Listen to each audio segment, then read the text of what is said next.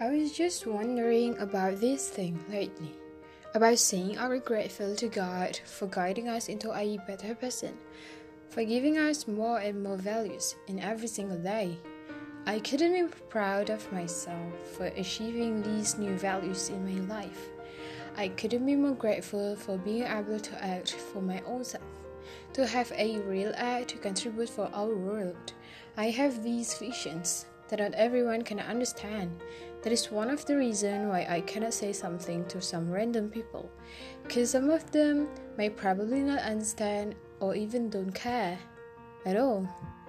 Instead of locking myself at a tiny room that called my comfort zone, I chose the path for a self development.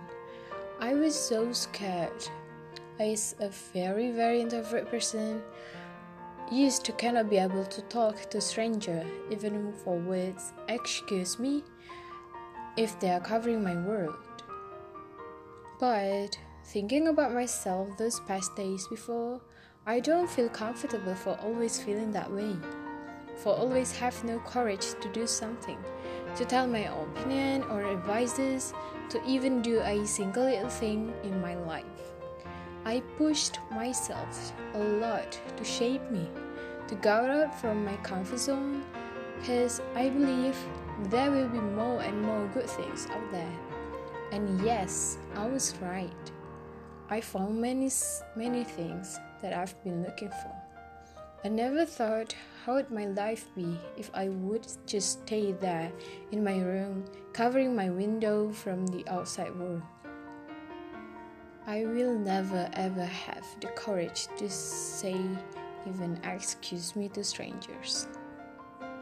What have been my point is it is never be a sin to go out from my comfort zone, to go out from your comfort zone, but still it will never always be the right thing to do. You gotta need to arrange your life visions in order to get to know yourself even furthermore. You need to give you and your own self a space to get to know you deeper. What is actually you have been wanting on? What is your weakness, your strength, your capability, your aim? Every person need to have visions in their life. Because you are a person, you need to arrange yours.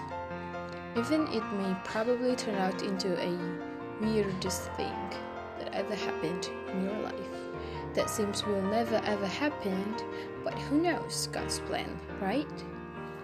I really want to tell you that it is not good to stay at your comfort zone forever. It is not good either to go around and avoiding it. The good part is when you can stabilize those in your life, finding your comfort zone out of your comfort zone, finding the new you out there, finding new values to learn, finding everything that used to belong to you, then you may probably be the best version of your life. One more thing that you need to consider of is be respectful to others, even if they're not doing the same thing to you.